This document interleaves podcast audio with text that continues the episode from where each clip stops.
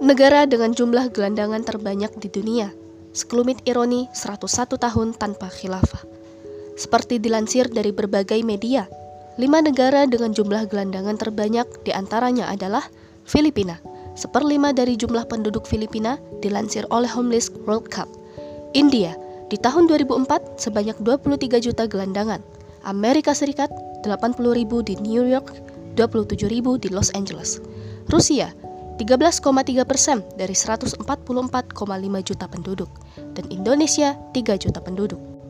Angka-angka ini biasanya disebabkan oleh bencana alam, hasil gusuran pemerintah demi tata kota, korban KDRT, maupun karena finansial yang tidak mencukupi.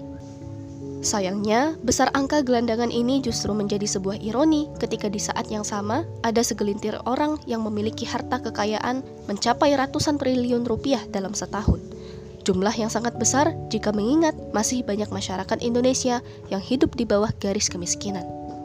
Kesenjangan yang terlalu mencolok ini tak lain dan tak bukan adalah buah dari sistem kapitalisme. Sistem ini membuat orang kaya akan semakin kaya, yang miskin akan semakin miskin apalagi di tengah polemik pandemi yang seakan tak kunjung usai, ditambah drama pemerintah yang tak habis-habis.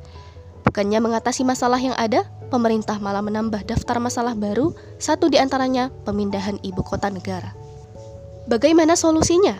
Dalam Islam, kesenjangan semacam ini jelas akan diminimalisir. Rakyat tidak akan kekurangan secara finansial karena hajat hidupnya ditanggung oleh negara pendidikan, kesehatan, layanan publik, semua bisa diakses dengan gratis oleh masyarakat. Bagaimana mewujudkan negara yang menerapkan sistem Islam? Ada tiga langkah yang diajarkan Rasulullah. Yang pertama adalah dengan pengkaderan, yang kedua adalah dengan berinteraksi dengan masyarakat, termasuk di dalamnya mencari dukungan dan pertolongan.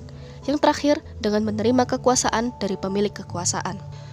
Presume Hanuri Sakarti MPD Sumber ditulis oleh Nindira Aryudani SPI MSI.